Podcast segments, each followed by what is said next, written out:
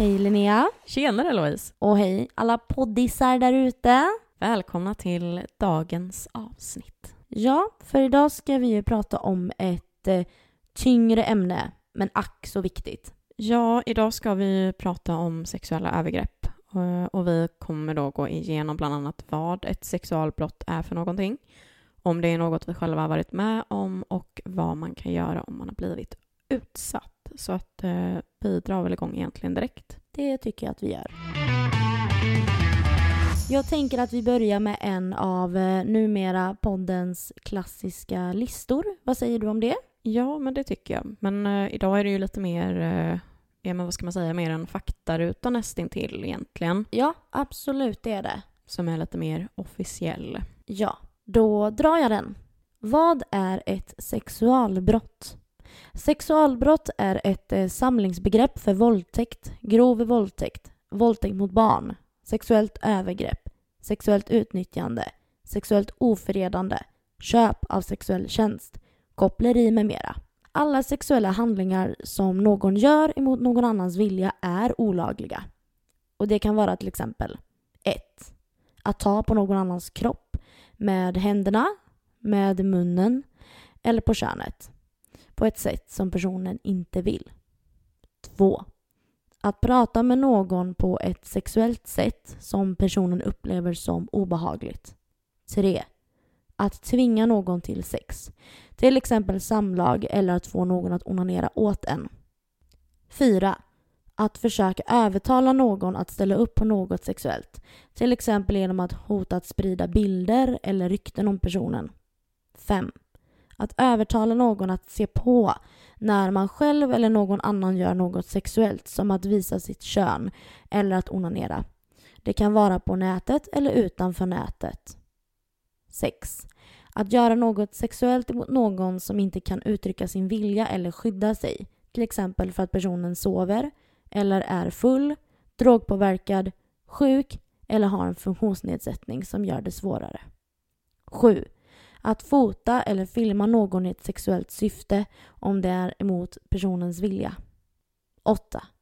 Att försöka köpa eller byta till sig sex eller sexuella bilder mot exempelvis pengar, alkohol, presenter eller andra tjänster. 9. Att utnyttja att någon är beroende av en för att ha sex. Till exempel om man är personens lärare, tränare eller en chef. 10. Ingen får göra något sexuellt med dig om du är under 15 år. Det är olagligt, även om du själv vill eller har tagit initiativet. Oj. Den tian eh, blev jag väldigt chockad över faktiskt. Den eh, var jag inte... Alltså jag har alltid fått uppfattningen av, jag vet ju att det handlar om det här med byxmyndig. Alltså att när du är 15 år så skojade man ju alltid om förr, ja men eh, då får jag äntligen ha sex, typ så. Men jag trodde ändå att det var okej, typ om det var en 13-åring, en 14-åring typ som är tillsammans. Att... Alltså jag hade nog aldrig en tanke på att det skulle räknas som ett sexualbrott faktiskt.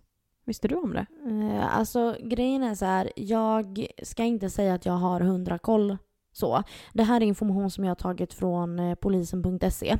Eh, och det var väldigt intressant att läsa där, för det var mycket saker som jag bara, aha, är det oj, okej, jaha, det räknas som det.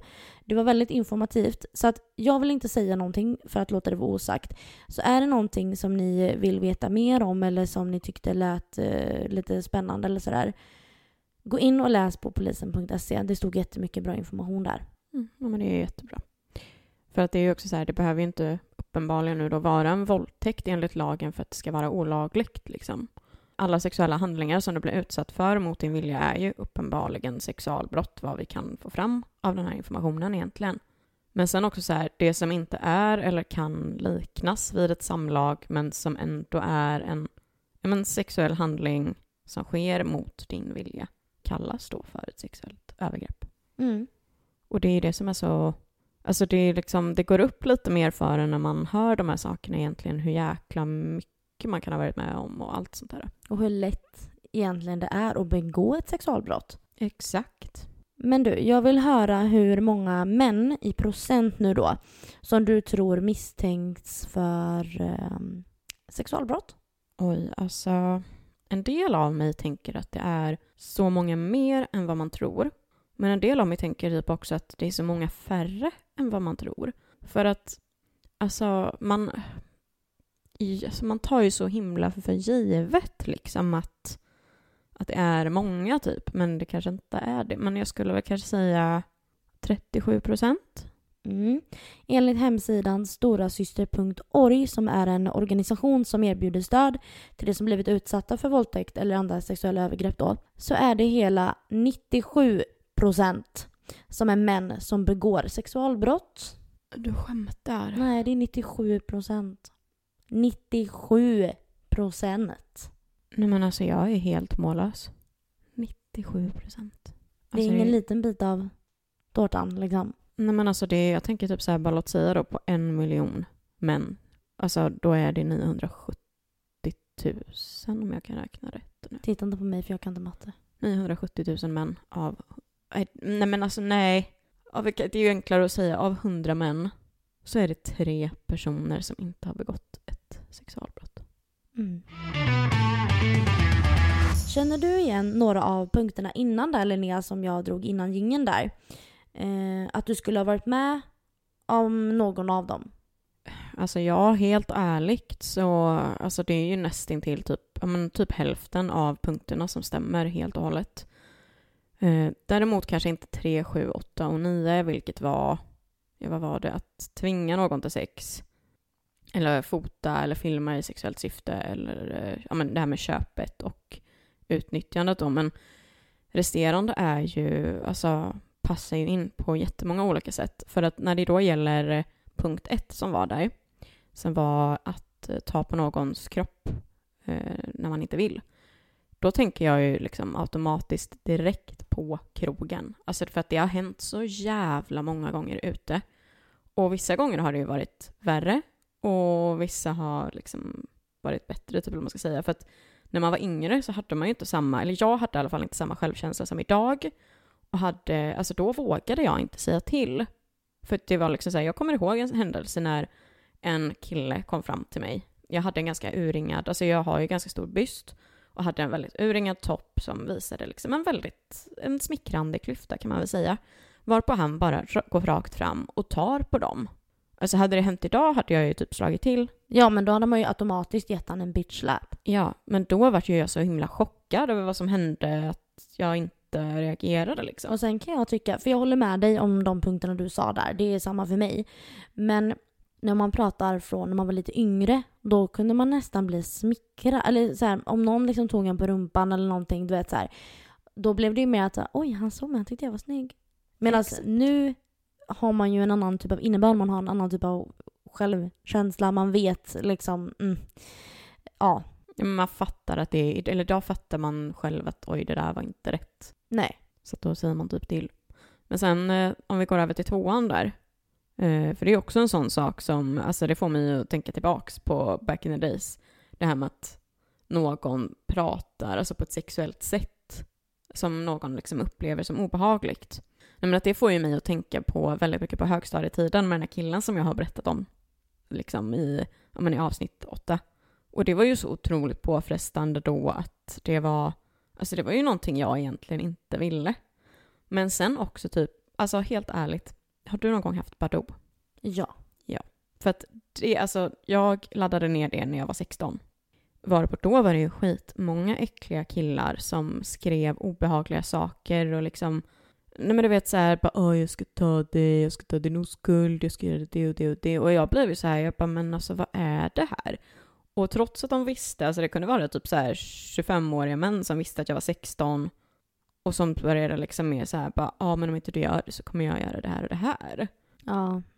Nej men det är så, det är så äckligt. Och att, vad, vad är det som, det jag inte riktigt kan förstå heller, det är eh, varför procenten är så hög på män. Varför gör inte kvinnor även detta? Alltså någonstans så... Fast tror du inte att det kan ha att göra med att man, eller generellt Men kvinnor är sexobjekt och allt det där. Jo, jag fattar Nej, det. nej, det var inte det jag tänkte på Ja, egentligen. men, ja, men jag tänker att det, det är ju mycket sådana här grejer att kvinnor har alltid varit förtryckta. Eh, Män har alltid kunnat komma undan mer med sådana här saker. De har kunnat styra ställen, de är starkare, de håller... Alltså förstår du vad jag menar? Men jag tänker också någonstans att det är ändå 2023. Statistik, alltså det borde hända någonting kan man tycka. Att, eh, och det kanske det gör. Bara att det händer i det tysta. Att tjejer grabbar killar i skrevet på krogen. Och, alltså det händer säkert också. Men det blir inte riktigt, det blir inte samma slagkraft, eller om man ska säga. Det, det blir inte lika häpnadsväckande kanske. Jag tänker typ mest att det är deras, generellt sett, det är deras sexualdrifter Jo. värre i det här fallet. Mm. Jag vet inte.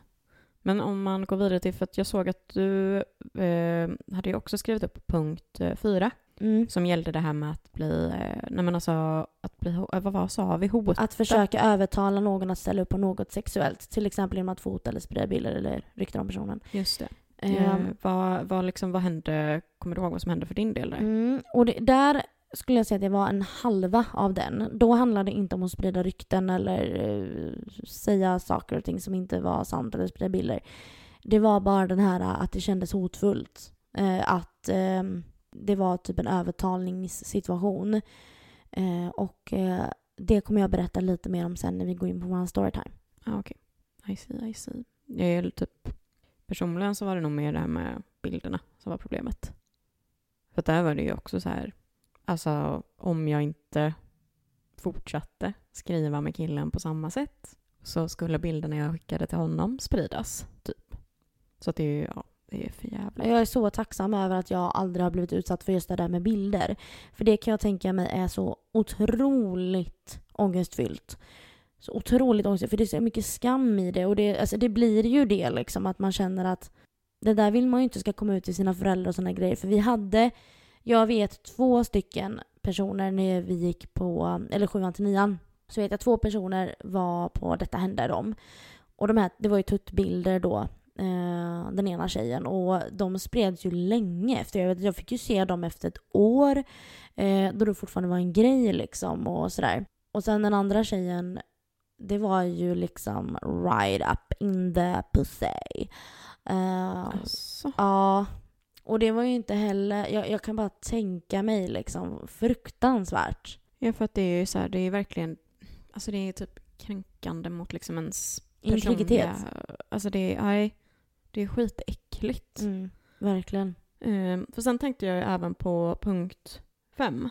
Som är att övertala någon att se på när man själv eh, eller någon annan gör något sexuellt. Alltså du vet, min automatiska tanke var ju direkt så här att, alltså, för jag tror typ att många i samma ålder som mig, jag tror att du kommer känna igen det här nu och säga bara men gud, oj. För att den här punkten, alltså runt typ så här back in the days, runt kanske 2008 eller något sånt där, då satt man ju ofta med kameran på med folk på typ MSN, Omegle, alltså massa sådana här Ja, olika ställen. Ja men exakt, och grejen är ju den att alltså, där skrev man ju med random folk som man stött på på kanske olika sidor. Om man tänker MSN i alla fall, så var det ju typ så här folk man kanske hade börjat skriva med på Kamrat eller Snuttis eller Ja. någon sån här chattsida. Och det var ju så jävla ofta att det var creeps på andra sidan ändan liksom. Som när man då valde att bara, men nu sätter vi på kameran när vi ska skriva. Ja, då stod de ju där butt naked med kuken framme. Och alltså det är så jävla vidrigt för att alltså sen då, idag är det ju egentligen alltså den punkten typ eh, o, oönskade kukbilder typ. Ja. Så att jag tror att den här punkten är så extremt mycket vanligare än vad man tänker. Och jag tror, eh, som vi sa här i mellanakten, som ni inte fick höra, men så är det förmodligen den här punkten som gör att statistiken är så hög. Ja, för att det är så, så, så vanligt med kukbilder. Och jag tror också nu med eh, alla de här nya apparna som finns, alla olika chattappar. Jag hörde någon ny senast igår som det varnades om. Eh, nu kommer jag inte ihåg vad den hette. Jag kan kolla rätt under avsnittet. Men det kommer hela tiden så mycket nytt. Ehm, och eh, därmed finns det hela tiden nya typer av forum att skicka den här skiten liksom. Exakt, förövarna försvinner liksom inte kan man ju indirekt säga. Precis. Men sen också då punkt sex eh, som vi hade där kommer jag ju gå in på lite mer senare. För det var ju den med när man inte är medveten, typ. Så att, eh, men alltså det är egentligen ganska hemskt när man tänker på det, för att man hade ju önskat att ingen av oss, så här, alltså att vi båda hade kunnat bara nej, jag har aldrig varit med om det. Mm. Men, det är, men om vi snabbt det här med just eh, krogen, om vi bara går tillbaka till det lite snabbt innan vi drar en jingel här, så kan jag tycka att eh, det sker så snabbt också. Om du förstår vad jag menar. Det är bara så himla i förbifarten. Liksom att, eh, att någon eh, tar tag i ens midja och drar den till sig och så bara “men usch släpp!” Du vet precis som att de går in för en kyss eller vet så här. Bara den grejen att de tror att de bara kan ta tag i mig utan att fråga. Eller förstår du? Eller att jag visar uppenbart att jo men hallå, hej, kom. Nej men du vet, att de bara tar sig friheten och bara tar tag i en på det där sättet. Och det var ju som nu när vi var ute på krogen sist du och jag. Och vi stod ute och väntade på våra kompisar och det kom fram en kille och var ganska så här närgången och du bara räckte upp handen direkt och bara “men gå!” Och det är så man behöver göra. Man behöver nästan, alltså man behöver bete sig, ursäkta uttrycket, man behöver bete sig som en fitta för att folk ska förstå. Ja, man alltså behöver vara otrevlig. Det är så jävla många gånger som det har hänt att man har, alltså att man har behövt göra exakt så som du just sa. För att alltså det är precis som att vissa inte har den där hjärncellen som behövs för att inse att mm, då du kanske ska backa. Det kanske inte är så himla smart att dra till dig Louise på dansgolvet och gå in för kyssen när hon kanske också ganska tydligt har visat att hon inte vill. Nej, exakt. Och sen är det en sak, det, det jag fick lära mig, det var i samband med Stig Larsson-böckerna, de här um, Män som hatar kvinnor. I den filmen där så är det en scen när huvudrollen eh, Lisbeth Salander går genom en mörk tunnel på natten. Och det kommer fram ett eh, grabbgäng och liksom eh, går på henne för att liksom... Och hon spelar då to- totally crazy. Tar upp en ölflaska som är på backen, slår den liksom i eh, väggen och skriker som om hon vore ett psykfall liksom. Var på de backar och bara “Fan är du med henne?” typ. Och då vet jag att eh, när den här filmen kom och den här scenen, det var en snackis då. Och att det var många tjejer som, att vi, vi fick lite till oss att så här, det där är en bra grej. Bete er som psykfall om det skulle hända någonting. För då kommer killarna bli såhär, uh, dig vill inte jag våldta. Nej men du vet va? Det är alltså, och det, det är så sjukt att det är det vi ska uppmanas att göra. Och en annan grej jag hörde, det var i, om det var ett YouTube-klipp eller någonting, det var ett radioprogram där de pratade om, det var en tidning, typ KP, alltså de här gamla Okej-tidningarna, någonting. Det var i alla fall som var riktat mer åt, lite mer åt kvinnor har jag för mig. Och då var det en spalt i den här tidningen som står hur du hur du kommer undan en våldtäktsman. Och så var det olika tips då hur du kunde skydda dig, du kan ha nycklarna i näven. Ja, Men du vet sådana här äh, klassiska knep liksom. Och då sa den här programledaren att eh, hur vore det om vi hade en likadan spalt fast i eh, café eller någon, eller någon mer eh, mansdominerad tidning. Hur du lär dig att inte våldta. Ett nej är ett nej. Till exempel. Alltså du vet att det var sådana grejer att vi ska lära våra eh, eh, kvinnor i samhället och våra döttrar att hur du inte ska bli våldtagen. Och istället för att lära våra pojkar hur, hur du låter bli att våldta. Det är så skevt. Det är jätteskevt. Jag menar det är typ som bara, jag tänker när du säger de här grejerna, typ mina föräldrar bor typ 300 meter ifrån mig. Och ändå så säger mamma varenda gång jag går hem, gå försiktigt, gå försiktigt, skriv direkt när du är hemma. Och det är också så här, nycklarna, varför ska jag behöva gå och hålla i dem? Varför ska någon kvinna behöva gå och hålla i dem?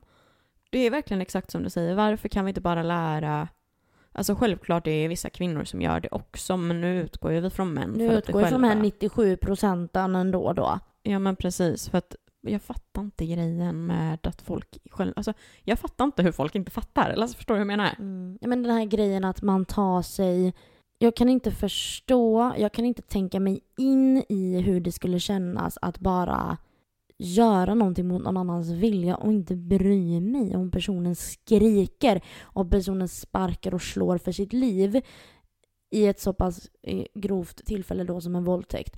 Eller bara på krogen när man inte vill och man ändå liksom står på sig. Och så, ah, hur, kan, hur kan man inte känna att hur kan man inte känna sig äcklig som beter sig på det viset? Nej, äcke, äcklet och äckelheten hamnar på kvinnan för att hon känner sen en skam att någon har tagit på hennes kropp. Mm, Det Och det är så fel. Det är, alltså nej, jag finner inte ord för det. Eh, vi tänkte ju även då dela med oss om vad eh, vi själva egentligen har varit med om eh, som har varit kanske lite mer åt det ja, men det som kanske var lite värre för oss själva. Ehm, och eh, alltså, ja, Louise, du kan väl ta och börja. Jag ska säga dig att eh, när vi skulle göra det här då tänkte jag att men gud, jag har ju ingenting att berätta. Eh, mer än ja, men de här grejerna på krogen, lite sådana saker. Jag har ingenting, det har liksom inte hänt mig någonting.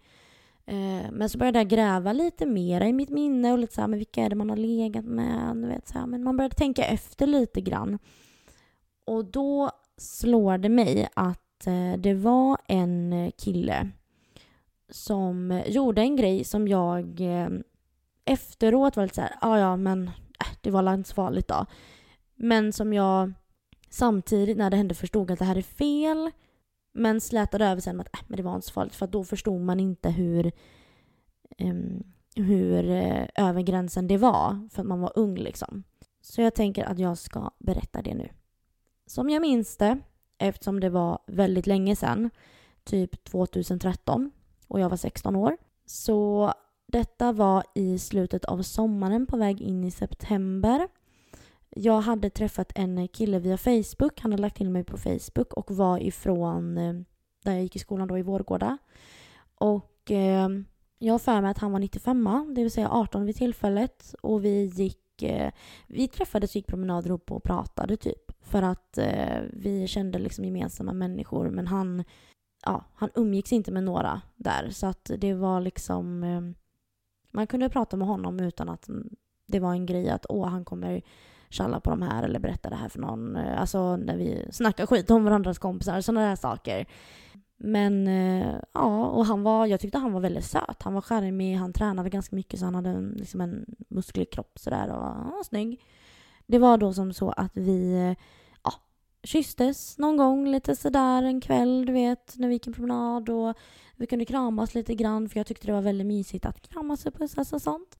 Och det var liksom inte mm, någonting mer med det från min sida. Jag var ju inte intresserad av honom, eh, att, liksom att vi skulle bli ihop eller någonting, absolut inte. Utan det var liksom bara, ah, mysigt och oj, du vet som man var när man var ung. Eller i alla fall jag. Sen var det en gång som han följde med mig hem till pappas lägenhet då. Eh, och det var första och sista gången, vill jag tillägga. Vi hängde väl lite grann och snackade om allt möjligt, eh, som vanligt. Eh, och så hamnade vi i sängen. Vi låg ovanpå täcket och pratade.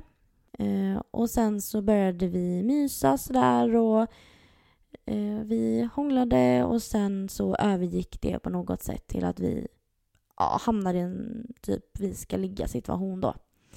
Och jag minns att jag var lite osäker på om det var faktiskt det jag ville. Men att jag typ lät honom. Så vi ligger i missionären. Alltså någon sekund pratar vi om här. Och jag tror att det var det som fick mig att inse att det här kändes inte rätt. Det var liksom att vi, i och med att vi låg i missionären då, så såg vi liksom varandras ögon och då kände jag att bara så här, nej. Nej men, nej men jag vill inte detta, det här är inte rätt, det här känns fel. Varpå jag eh, säger till honom att eh, jag vill inte följa det hela. Och jag säger även att eh, kan, vi inte bara, kan vi inte bara mysa så? Eh, kan, kan vi inte bara mysa liksom? Då tittar han på mig utan att backa liksom sådär och så säger han något i stil med eh, Men kom igen nu. Vi kan ju ses imorgon så bjuder jag på fika eller jag kan bjuda på glass eller någonting. Varpå jag minns att jag blev rädd. För att det kändes som att eh, han blev han, han fick ett övertag på något sätt. Det kändes som att han hittade en ursäkt för att skita i vad jag sa. Och eh, jag blev rädd. Eh, han kändes hotfull, men jag minns att han inte sa det. Han var liksom inte arg eller eh, hotfull i hur han uttryckte sig, men den känslan jag fick var liksom att eh, men kom igen nu, jag, du vet jag bjuder på fika imorgon. om, du vet, det, det var precis som att han trodde att han kunde köpa det här av mig för en fika liksom. Och då kände jag mig... Eh, då blev det också den här lilla äckelkänslan att eh, vadå, ska jag gå med på det här för en fika? Nej men vad snackar du om liksom? Eh, helt ärligt kommer jag inte ihåg om jag direkt efter hans kommentar då bad han sluta igen och att han gjorde det eller om det höll på kanske någon minut till. Jag vet bara att pappa var hemma så jag visste ju att jag kunde ropa på hjälp typ. Samtidigt som jag inte riktigt vågade göra det heller för jag ville ju inte att han skulle se vad jag sysslar med. Eller liksom. Så det, det var liksom...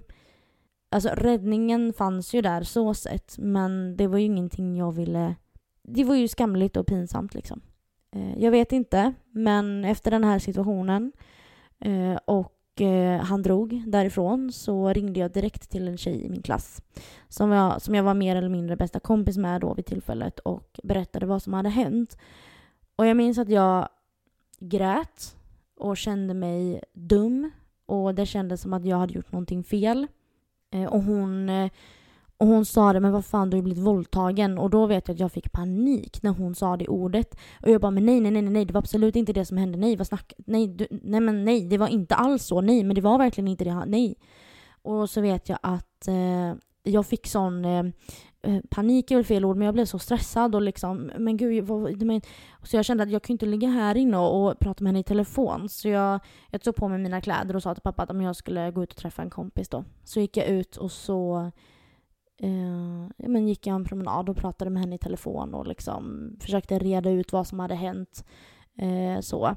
Och, och jag var ju väldigt noggrann då med att säga att det här våldtäkt är ett jättestarkt ord. Nej, det var inte våldtäkt. Absolut inte. Du får inte säga det ordet liksom. Um, liksom för han slog mig inte och han tvingade mig inte liksom. Så det var inte det. Och sådär och det var väl... Um, sen vet jag att efter det så... Ja, så släppte jag det. Det var liksom, nu pratar vi inte mer om det så. Det är bra liksom. Det, det var ju inte det som hände då så nej. Eh, och Eh, jag blev ju lite rädd, kanske jag inte blev, men jag, jag, blev, jag, jag tappade liksom eh, förtroendet för honom då. Eller liksom, jag, jag blev lite tillbakadragen och tyckte att det här är inte en person som jag vill fortsätta umgås med för att eh, jag kan inte riktigt ja, lita på honom helt enkelt. Så vi slutade ha kontakt eh, efter det. Sen, eh, sen har han hört av sig några gånger och säger hej hur är det med dig nu för tiden? Du vet lite sådär men jag svarar inte. För att jag har inget, eh, ja, jag känner inte på det och jag känner inte att jag behöver ha den typen av kontakten i mitt liv heller. Men eh, så, så var det. Jag vill krama lilla 16-åriga Louise alltså. Fy fan. För det är det som är själva grejen att det kan ju vara också väldigt viktigt att understryka i det här att även om du går med från det, alltså på det från en början, men du säger nej sen i akten och personen du har sex med fortsätter, då är det ju våldtäkt. För att då har personen sex med dig när du inte vill. Vet du vad, till och med när du sitter och säger så här så blir jag så här, ja men alltså nej. Förstår du vad jag menar? Ja. Det, det, blir, jag blir fortfarande så att, ja men nej, jag skulle inte säga att det var det i det här fallet. Samtidigt som jag vet inte om jag, eh, jag jag vill liksom inte ta, ta i det, för jag menar jag vill inte ta i det. För jag tycker inte att det, jag blir eh, liksom eh, lite stressad typ över att, uh, nej, nej men gud nej. Så var det inte. Man blir ju lite, alltså man vill ju inte, alltså man har ju blivit sån, man vill inte slänga runt ordet hur som helst. Nej, det är ju det. Och sen, men här var det ju, alltså oavsett vad du säger så är det exakt det det var. Men samtidigt så vill ju inte jag trycka det i ditt ansikte nu för det nej. kanske gör att du nu mår sämre i, nu. Nej men nu är det ju inte så här, nu när jag pratar om det, alltså jag pratar ju inte om det. För jag ser det inte som en sån stor grej. Men samtidigt så är jag ju, jag är ju inte dum i huvudet liksom. Jag förstår ju att det här var ju, skulle det här, skulle det här hända min bästa kompis, eller om jag skulle ha en framtida dotter, då vet jag ju precis vad jag hade tyckt och vad jag hade tänkt och vad jag hade tyckt att det var. Och det kanske säger en del. Ja, för att det du hade sagt till dem ska du egentligen säga till dig själv också. Ja, det är väl så.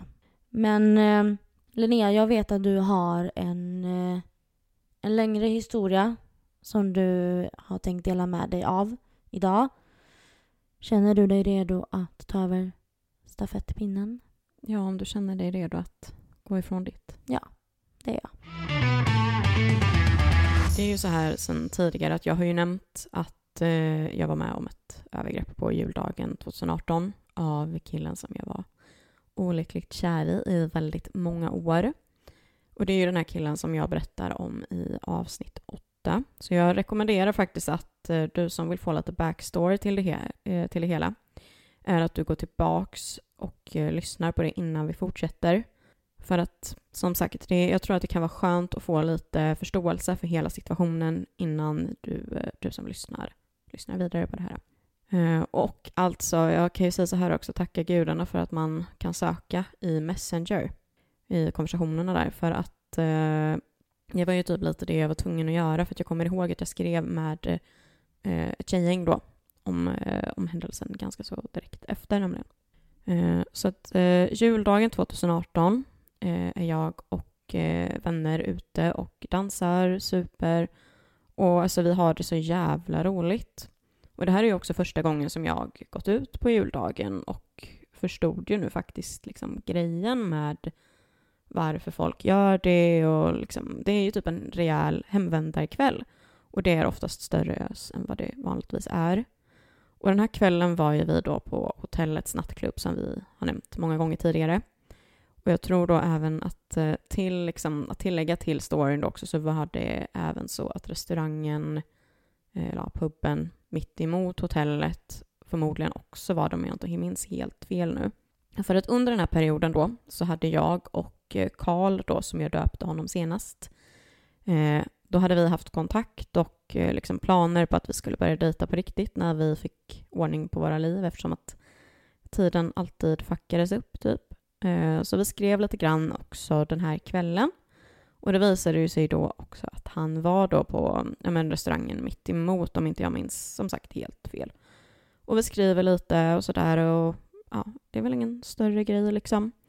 Och inne då på hotellet så träffar jag ju även på ett eh, gammalt ligg där inne och eh, småtjatar lite med honom men det blir liksom inte heller någon större grej. Vi hade en mysig kram men that's it. Men det tillhör fortfarande storyn i det hela. Inne på dansgolvet så är det någon idiot som spiller öl över mig och eh, det var ganska ja, det var ganska så mycket öl så att jag kände bara nej, jag pallar inte festa vidare. Och klockan var liksom redan ganska så sent och jag hade väl ändå redan börjat tröttna. Eh, så jag väljer då att gå hem. Eh, och det är ju typ, kanske, vad är det, typ 700-800 meter hem eller något sånt där. Och på vägen hem då så skriver jag även med Karl och vi bestämmer då att eh, ja, men vi bestämmer någonstans här att han skulle komma hem till mig och att vi skulle sova, eller alltså, sova tillsammans eh, så att han slapp åka hem med typ taxi eller vad det nu kan vara. Och vi bestämde ju också att vi, liksom, vi skulle ses, sova och det skulle inte vara liksom något sex utan bara ja, men, en, liksom ett byggande på en relation mer på det sättet så att det kunde bli något riktigt mer. Eh, så jag kommer hem och hoppar in i duschen direkt för att ja, jag hade ju fått öl överallt så att håret var sådär lagom mysigt. Och jag lämnade även dörren olåst då så att han kunde komma in utan att behöva vänta på att jag är klar och sådär. Och att det är också så här att tillägga till det då, det var ju liksom inte konstigt att jag stod i duschen i och med att vi hade redan haft sex med varandra, vi hade redan varit nakna med varandra. Så att det var liksom så här, det kändes inte konstigt på något sätt, allt var väldigt naturligt. Eh, så att sen liksom, vi står där och borstar tänderna tillsammans på natten och alltså väldigt mysig scen egentligen om man ser det på det på det sättet, för att det kändes så rätt. För att vi var så himla bekväma med varandra. Eh, och vid den här tiden så har ju även då nattklubben börjat stänga så att ganska så snart skulle även mina vänner bara komma förbi och men, hämta deras saker som de hade lämnat hos mig. Eh, och precis typ innan de kommer så ringer min mobil. Karl ligger i sängen och väntar på att jag ska krypa ner så vi kan sova tillsammans typ. Ehm, men på mobilen då i alla fall, som jag ändå lyckats hålla undan honom, så står ju då den andra killen, alltså killens namn, på mobilen. Och han ringer typ först, eller om det var att han hade skrivit först. Jag kommer inte ihåg exakt hur det var. Men jag svarade ju inte, jag klickade ju i och med att liksom, det var inte läge att snacka med honom. Och då visar jag ju det när tjejerna kommer och liksom alla blir lite så här, eh, Men jag, jag har också för mig här någonstans att, eh, för det här var ju Alida bland annat som skulle hämta sina grejer. Och jag för mig att hon säger någonting till Karl typ innan hon och, eh, jag tror att det var Signe kanske, som drog. Och jag tror att hon sa någonting i stil med, ja men sköt dig nu. Med liksom, ja något sånt tror jag det var i alla fall. Och det var liksom, det var ju seriöst sagt men det var ändå, ja men på ett roligt sätt liksom. Det var inte någon baktanke i det hela. Så att jag kryper ner i sängen, vi släcker och vi myser och kysser varandra lite innan vi somnar. Eh, vi har även sex ändå, För att det är jävligt svårt att inte ha det med någon när man redan, ja, men liksom när man redan har haft det. Men jag kommer ihåg, eller när jag läste igenom då konversationen så verkade det ju som att jag inte lät honom komma då för att klockan redan hade blivit så himla mycket och jag ville sova. Eh, så enligt då eh, det här meddelandet som jag lyckades leta upp så har jag skrivit eh, eh, när vi skulle sova så var det första gången på jättelänge som jag fick oroskänsla i magen och tomhet som får mig att vilja gråta. En liten ynklig känsla som jag inte känt en endaste gång i den här lägenheten. Och den här oroskänslan då som jag berättar om här och beskriver, det är alltså en känsla som ibland liksom sköljer över mig utan någon större anledning egentligen. Men när jag flyttade hemifrån så hade den liksom börjat försvinna mer och mer och mer och var liksom, den var inte där längre. Men i alla fall så fortsätter meddelandet då. Den är fruktansvärd, så den här oroskänslan är ganska allvarlig och gör mig fett obekväm och ledsen faktiskt. Så något i mig idag nu då säger mig liksom att det var precis som att min kropp visste vad som var på väg att hända. Hur som haver. Eh, jag vet bara att jag vaknar till lite halvt och känner hur han håller på med sina fingrar i och vid min mutta. Eh, jag känner även i sängen hur hans liksom rörelser indikerar på att han ligger och runkar samtidigt. Jag puttar bort hans hand och försöker somna om. Men han tar tillbaka handen igen efter en stund dit den var innan och liksom fortsätter ändå. Och jag är så himla sömnig här att jag, ja, men, jag vet ju liksom inte riktigt exakt. Alltså jag vet vad som händer men jag vet ändå inte vad som händer för att man blir så chockad också. Men det är också så här, någonstans i mig så blir jag ändå medveten om det och får smått panik liksom. Eftersom att jag behöver ju putta bort den här handen igen. Och det var ju inte riktigt det jag kände att jag pallade om man ska vara sån då. Men jag blir då här stel som en pinne eh, efteråt eh, och vet inte vad jag ska göra för det är ju nu det liksom verkligen slår mig att han försöker sig på något medan jag rätt så uppenbart egentligen låg och sov. Eh, så jag tänker då också här någonstans i mitt huvud att jag, eh, jag låtsas att sova. Bara för att se vad han kommer göra.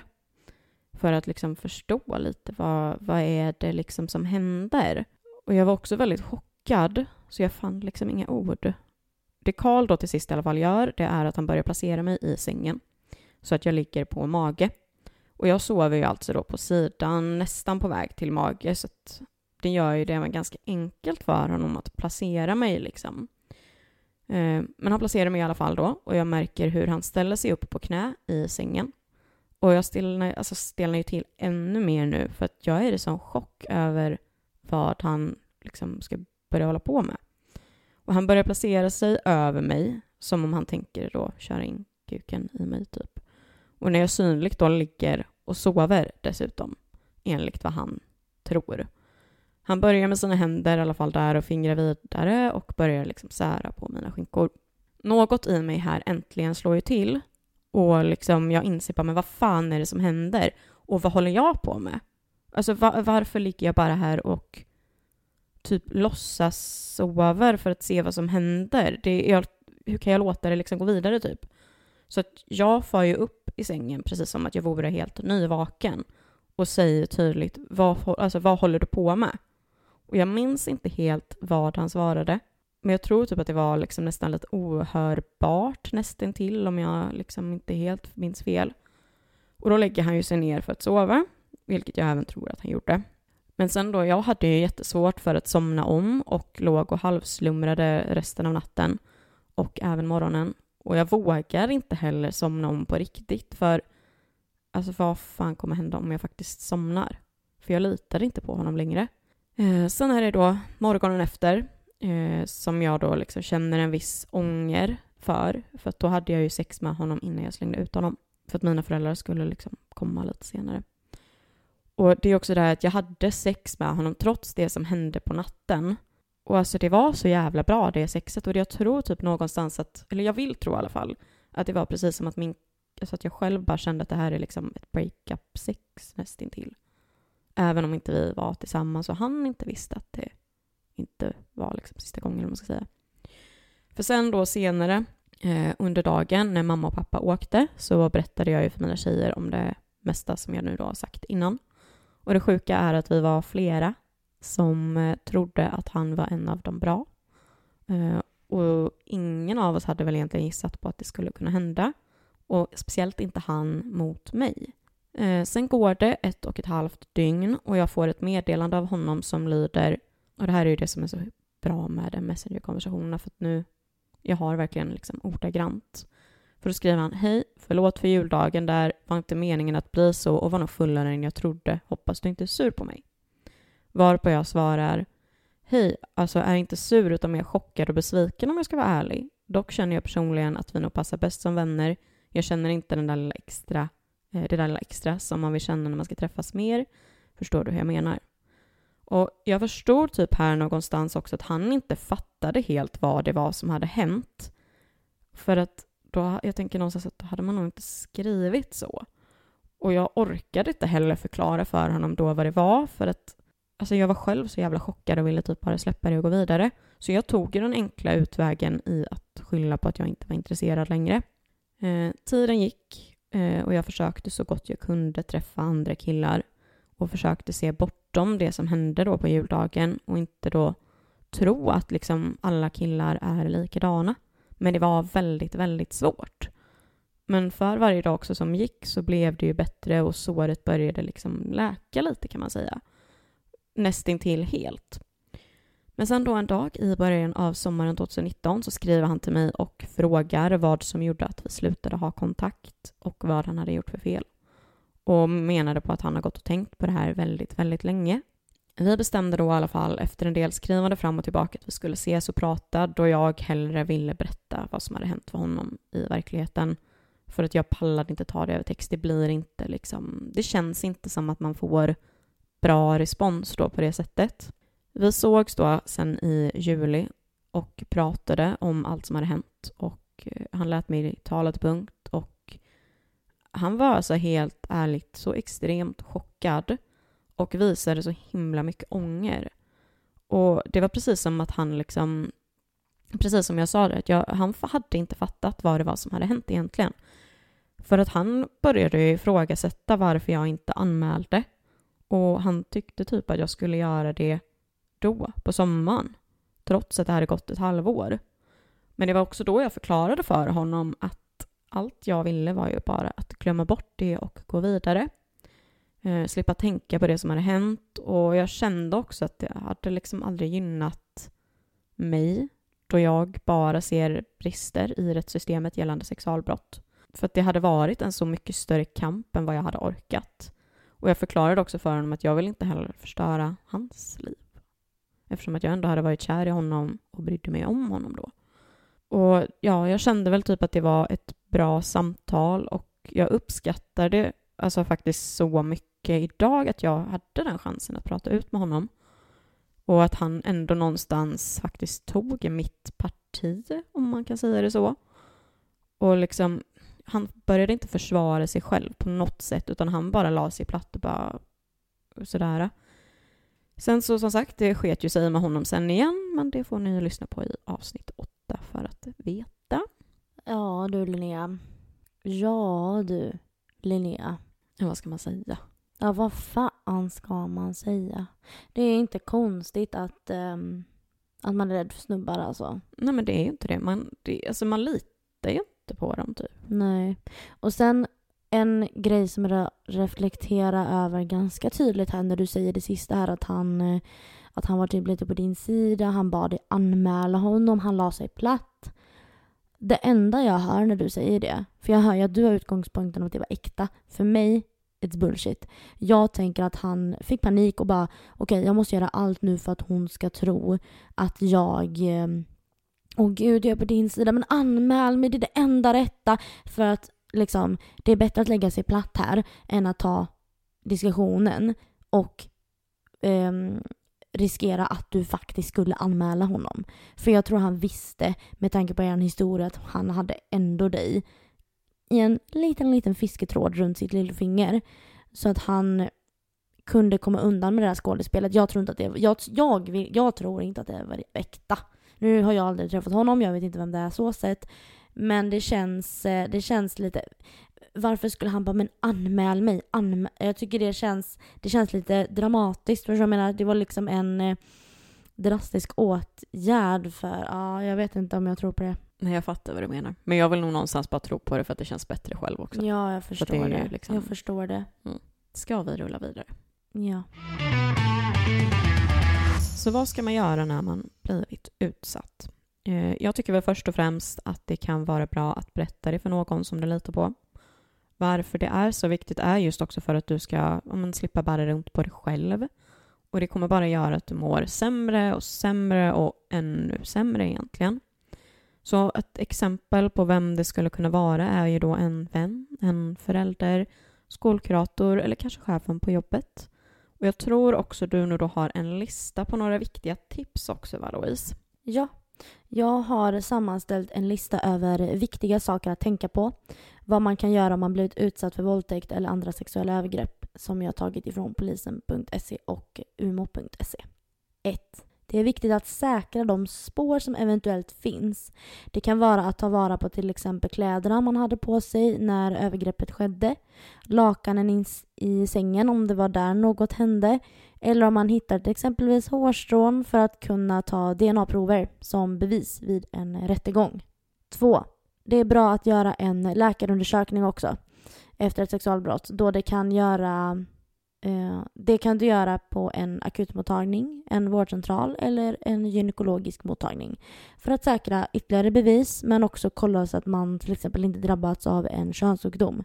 Om du kontaktar polisen direkt efter händelsen så hjälper de dig med eh, alltså spårsäkringen och ser till att du får läkarundersökningen.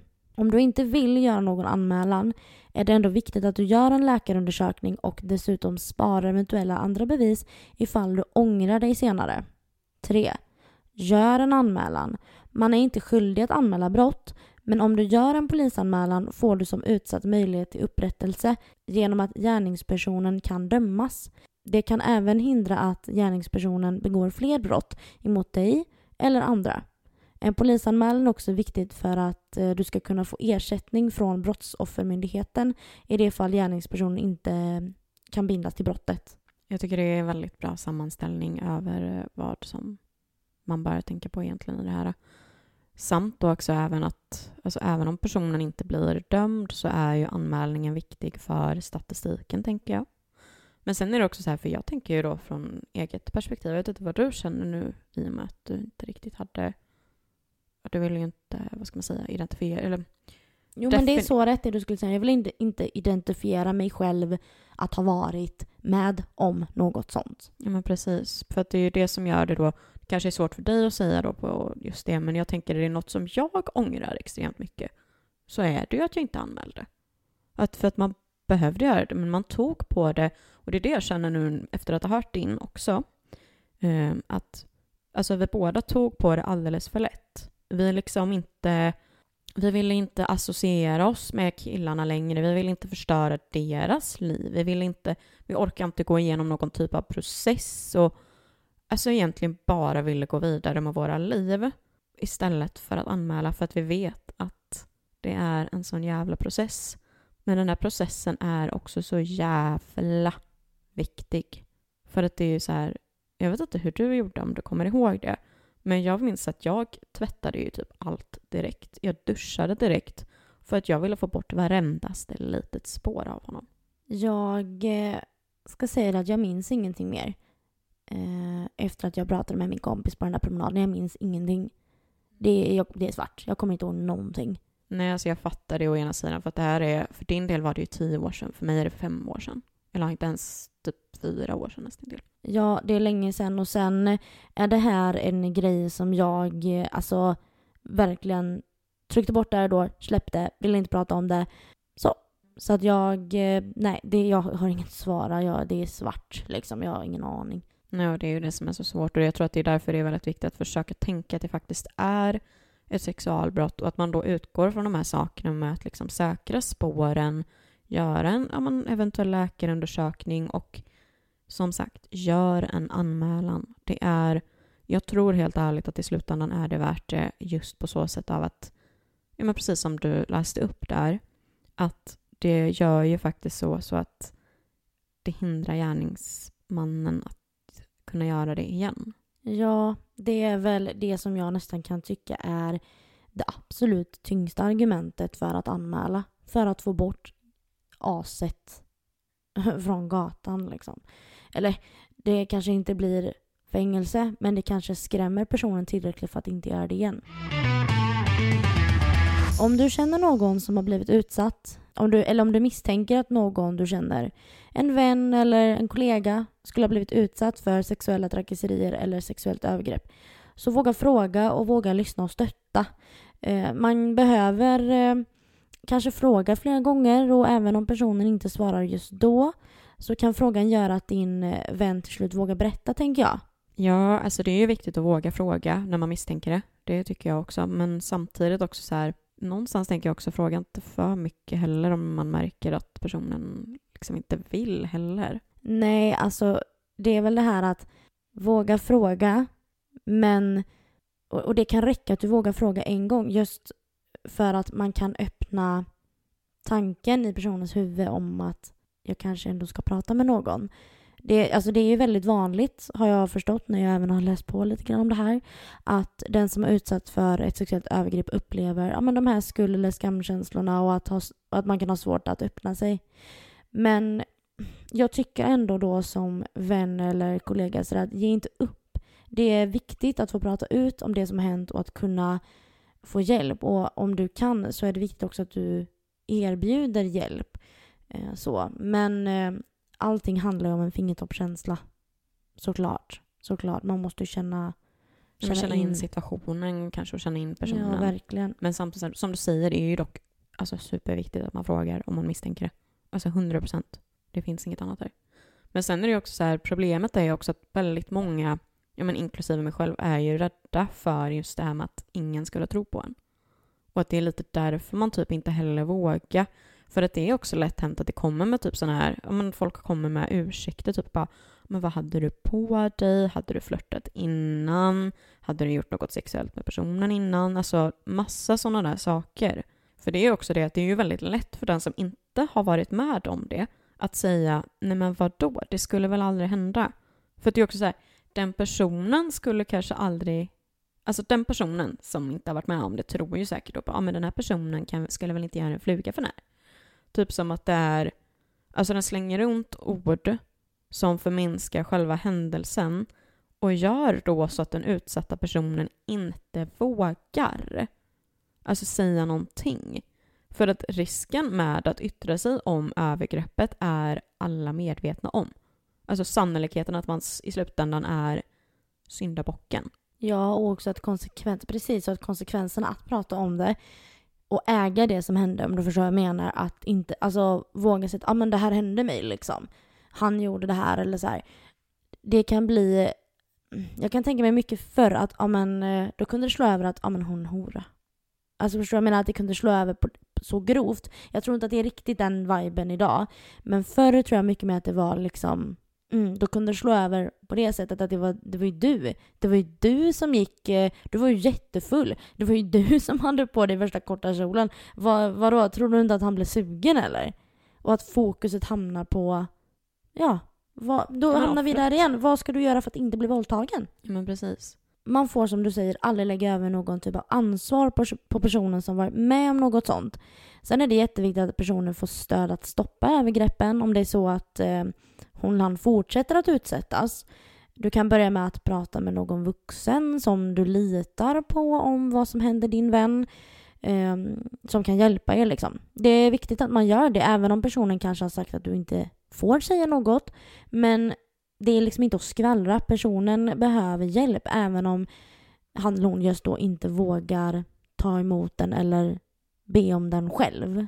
Ja men exakt. För att alltså var då den modiga som kanske hjälper den här personen som inte vågar och som bara ligger ner.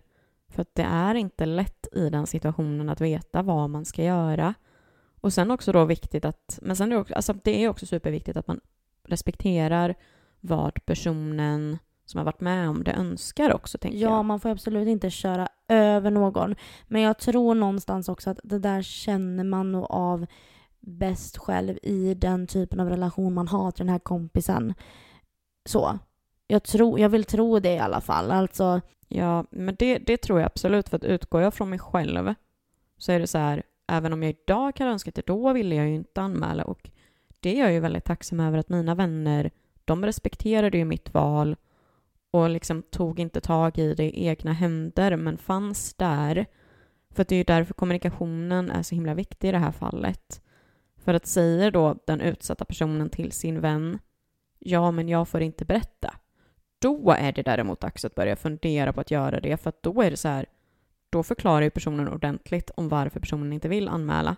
Och för då, att den inte får. Exakt, för att det är en sak om man skulle förklara då för att typ så här att ah, nej, men jag vill inte anmäla för att jag orkar inte gå igenom den här processen och känner att jag vill gå vidare i mitt liv. Den kan jag tycka är okej.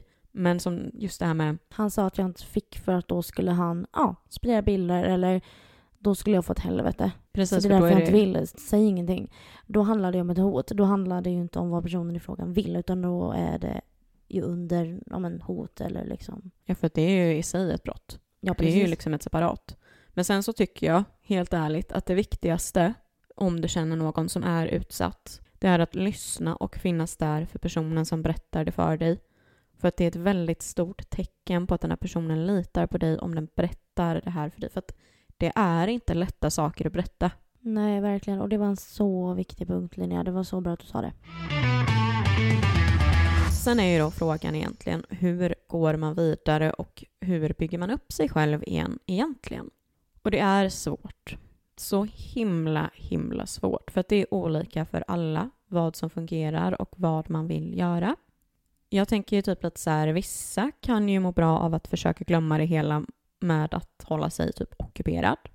Men risken som jag också tänker då är att det istället slår en tillbaks i ansiktet sen. Förnekelse är ju kanske inte bästa metoden när det kommer till svåra saker generellt, tänker jag. Nej, jag tror faktiskt inte att det är det. Men samtidigt så här, är, är du bekant med situationen? Liksom? Eller alltså, inte bekant, det är ett hemskt ord. Men att känner du att du liksom, okej, okay, men jag förstår vad det är som har hänt och jag vill inte behöva tänka på det just nu. Alltså då funkar det ju, men förnekelse är inte ett tips däremot. Men sen tänker jag så här att eh, terapi är ju fantastiskt för vissa människor. För då är det ju någon som du inte känner som du pratar med. Och i vissa fall så, alltså ibland kan det vara typ jobbigt att prata med någon som känner en. Och att man vill ha någon som, alltså man kan typ känna sig själv som börda ibland. Och då är det nog ganska skönt tror jag att prata med en utomstående som är mer ett neutralt perspektiv. Ja, och sen tänker jag också så här att man kan känna sig eh, dömd. Även om man inte blir det. Även om man skulle prata med sin mamma som älskar en mest av allt i hela världen kanske va. Så kan man ändå känna att den här personen har ändå en bild på, av mig och den kommer förändras när jag berättar ditten eller datten. Vilket det inte gör om du pratar med någon helt utomstående. Absolut inte. Det kommer det verkligen inte göra. Det är snarare tror jag mer att man ser, alltså inte högre, det är fel ord egentligen, men man ser mer på personen av att den vågar lita på en. Typ lite så. Men sen som jag tänker, för när jag tänker tillbaks på, på den tiden så har jag ju för alltså jag, jag berättade ju för mina vänner direkt vad det var som hade hänt. Och även om jag liksom var i ett chockläge och inte riktigt förstod så tror jag att det är väldigt viktigt att prata med någon ganska så direkt faktiskt. Det är nog ett av mina, liksom, ett av mina stora grejer, att prata med dem du litar på. Vilket i mitt fall då var mina tjejer liksom. Jo men verkligen, jag håller också med om det. Generellt med alla saker som tynger en att eh, prata om det. Och visst, man kanske behöver en stund att processa saker och ting själv. Men det är gott att kunna dela det med någon som man känner ett förtroende för och vet bryr sig om en. Exakt, för det, det, är, det är oftast den största, liksom, ett, ett stort läkemedel typ, kan man nästan säga. Men sen typ så här, sen tänker jag också, jag, jag tycker det är svårt att ge tips på hur man, hur man bygger upp sig själv när man har blivit utsatt också av den anledningen att jag hade ju turen att, vad ska man säga, alltså jag, jag gick vidare i, det, liksom, i den tyngre delen så gick jag ju vidare hyfsat snabbt för att jag kunde liksom avvärja honom i och med att vi kände varandra på ett annat sätt. Medan jag tänker att en person som har blivit alltså brutalt våldtagen liksom av alltså, personer som inte personen känner. Alltså det blir svårare att kunna gå vidare då tror jag. Och det är där det lite kommer in att man, är man som den innan, att prata liksom. Jag skulle säga så här, i- det här fallet när det var som någon du kände på det viset så tror jag att det skulle vara jobbigare när det är någon okänd så. Jag tror man blir räddare för sin omgivning kanske då på ett annat sätt. Men jag tänker också i det fallet att även om det är någon du känner så kan det vara fruktansvärt på det sättet att det är någon det kan ju vara så att det är en familjemedlem som utsätter en annan familjemedlem eller släkting. Eller eh, sådär. Och då handlar det ju om tryggheten i sitt eget hem.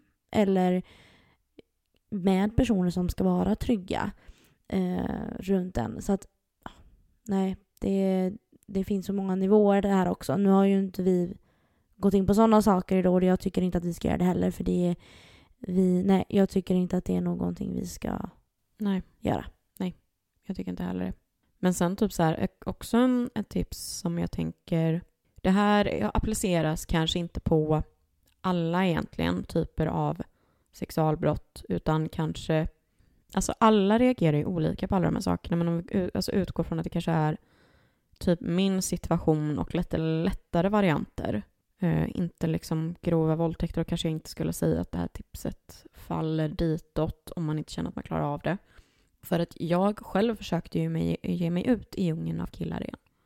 Alltså jag försökte liksom rätt så snabbt att alltså, träffa nya igen så att jag inte fastnar i att, att alla män är likadana typ. Även om det var exakt det jag tyckte och tänkte. Och för mitt problem var ju det här med att sova med någon. Alltså det var liksom så här, jag är osäker på om jag liksom faktiskt har berättat det för någon innan men jag tyckte det var så extremt jobbigt att börja sova med en ny kille för att jag tänkte alltid att det kan hända vad som helst när vi somnar. För att när man somnar så vet man inte vad som händer. Men det var också en sån sak, det var oftast jobbigast i början. För att när det, liksom när det var någon ny, för att så fort jag började träffa den här personen ett tag och började lä, liksom lära känna personen så kunde det lugna ner sig lite. Även om det såklart inte gör det omöjligt, men det gör det lättare. Så att, alltså, vad ska man säga? Det finns ett ord. Jag kommer inte ihåg vad det heter. Men det är det här när man liksom, eh, man, eh, ja vad heter det? Alltså en slags terapi typ. Mm, KBT. Man Ja, men utsätter sig precis, för det man är rädd KBT. för. Ja, för att det blev nästan lite som det för att, för att jag skulle liksom kunna komma över det lite. Men, Upp på hästen igen liksom. ja men precis, men sen är jag kan helt ärligt säga så här, jag tycker fortfarande att det är jättejobbigt emellanåt och det är lite därför jag inte vill sova över med killar jag inte känner för att jag Det sitter ju rotat i dig. Alltså det är ju, inte- det är ju inte konstigt. nej men faktiskt inte. Och det är ju lite så här, jag tror att det är viktigt då att man försöker börja identifiera efter ett tag vad från liksom händelsen är det som har påverkat ditt liv? Vad är det? Är det att du inte litar på folk längre? Är det, är det alltså själva... Alltså det kan ju, många har ju problem att ha sex senare. Alltså vad är det som, eh, som är problemet och vad kan du göra för att bygga upp det igen? För jag tror helt ärligt att det är superviktigt att identifiera det. Men alltså sen såklart, det beror ju, alltså det beror ju på vad det är för typ av sexuellt övergrepp. Men jag tror ändå det är ganska viktigt. Så att, ja. Men jag står ju också lite för det här med att gör saker som du mådde bra av innan det hände. För att på så sätt så kanske livet blir lite lättare för var dag som kommer. För att det är också, låt inte förövaren ta makten över ditt liv. Nej, verkligen inte. Och jag skulle säga att det enda typet av tips jag har och som jag tycker är det viktigaste, som vi har sagt så många gånger nu, det är att prata med någon. Prata med någon. Prata med någon. För jag tror att många tänker att man ska lösa situationen själv. Man, eh, man stoppar undan det. Och det är liksom, det är inte en lösning det är att sopa det under mattan. Och eh, den skiten kommer komma fram i sinom tid. Eh, tror jag. Eller jag vet att det är så. Ja, för det blir ju att man märker av det i ens vardagliga liv sen vad det är som påverkas. Och det kan, spe- ja, och det kan spegla sig på andra sätt. Det kan vara en sån sak att eh, vi säger att det här är någonting som händer i, i tonåren eller sådär. Och eh, sen när du själv är vuxen och får barn så kan det vara att panikångest, panikattacker och sådär, när din dotter är i tonåren och ska gå ut och träffa folk, att, du, att det speglar sig över så mycket senare, fast på dina egna barn, att du är livrädd eller att, eller att du får en son, att du, att du blir väldigt eh, ja, men du, när du är med tjejer och hö, att, eller katastroftankar. Alltså det finns så mycket annat som kan utveckla sig om man bara liksom lägger under mattan som man inte tror kan komma så mycket senare. Exakt, jag tyckte det var väldigt bra sagt det. För att det, det är nog någonting man kanske inte tänker på att det kan komma så sjukt långt efter. Nej, och en annan sak när det kommer det här till att prata med någon. Det kan ju vara så att man inte känner att man är redo att prata om det när det är jättefärskt. Eller det kanske är så hemskt att du inte har någon som kommer direkt upp i huvudet att den här personen vill jag prata med. Och det, det kan vara mitt, ett jättetips är att skriva dagbok. För att där kan du inte bli avbruten. Det är ingen som kan säga att du tycker fel, tänker fel, känner fel.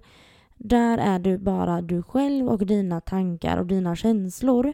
Och även, även om du har någon att prata med så kanske det finns vissa delar som du känner att de där delarna vill jag bara få ur mig själv i min dagbok. Och det kan också vara någonting bra när man är redo att gå tillbaka och titta på och känna är det någonting av det här som triggar mig? Då kanske det är ett, eller ett eh, tecken på att Åh, det här är någonting jag behöver kanske prata mer om eller det här kanske är någonting jag behöver jobba mer med för att må bättre. Så att eh, ett jätte, jättetips är att skriva dagbok. Oavsett egentligen. Nu har vi kommit fram till slutet på detta avsnitt och eh, informationen idag är taget från polisen.se, umo.se samt storasyster.org. Och eh, jag får ändå säga att eh, det känns, eh, för mig känns det okej okay efter dagens avsnitt. Jag, eh, jag vet inte, jag känner, jag känner inte så jättemycket om jag ska vara helt ärlig, men eh, mer än att jag tycker vi har varit informativa och det är det som jag tycker har varit viktigast. Ja, jag känner ju typ att jag har lärt mig lite nya saker också. Eh, om man tänker... Ja, absolut. Det har jag ju också gjort under research. Alltså det är ju typ så här, det handlar ju lite om att man äger sin, eh, sin story som vi har sagt tidigare. Att man, eh, alltså att det är viktigt att man liksom bara känner att bara, det här är mitt, det här är inte någon annan som kan ta ifrån mig eller vad man ska säga. Så jag tycker att det känns som att vi... Men jag tycker ändå att vi har gått in på punkter som är viktiga. Absolut. Sen, sen såklart man kan grotta ner sig hur mycket som helst i det. Men då hade vi behövt sitta här i typ tre timmar. Och jag tror inte att ni hade orkat lyssna på det idag. Nej. Och eh, som sagt var, vi väljer ju att dela med oss av vissa saker. Och eh, när du säger att vi äger våra historier och det här, det handlar ju om att vi har ju processat saker och ting vi berättar liksom och sådär själva. Och när vi berättar det så handlar det ju om kanske mer ett informativt syfte. Eh, vi lämnar ju inte bara er med eh, tråkiga historier liksom utan att vi har ju ett syfte som idag att informera och sprida liksom att man kan må bättre, vad man har för typ av hjälp att ta och sådana här saker. Mm, exakt. Vi vill bara belysa ämnet egentligen kan man väl säga. Ja, kort Faktiskt. och gott. Sen också innan vi säger helt och hållet hej då så vill vi såklart skicka ut en superstor kram till alla som har varit med om något liknande som handlar om sexuella övergrepp eller ett sexualbrott. Ja, verkligen. En stor kram och eh, det blir bättre. Ja, vi finns alltid för varandra allihopa. Men eh, med det sagt så ska vi bara ge en liten information om nästa veckas avsnitt. Ja. Vilket nästa vecka faktiskt blir. Vi tänker att vi kan inte... Vi vill inte gå på för tungt ämne flera veckor på rad så att säga. Så att nästa vecka kommer vi snacka lite mer om dating IRL och på nätet. Ja, jag tror att det kommer bli ganska roligt. Jag har ju börjat spåna lite redan nu och jag tror att det kan bli ganska roligt. Ja, men det tror jag med. Jag tror att det kan vara men en, en lite mer lättsam, eh, rolig avbrytare faktiskt. Ja, jag tror det kommer bli bra. Så då tackar Louise för sig. Och eh, Linnea säger, eh, glöm inte att följa oss på sociala medier, Luften är fri podcast och ge oss fem stjärnor där ni lyssnar på podcasten. Och glöm inte att gå med i vår eh, nya Facebookgrupp Luften är fri podcast. Exakt. Det är bara att söka, ansöka om att få gå med och bli medlem. ha det gött hörni, hejdå! Hej då!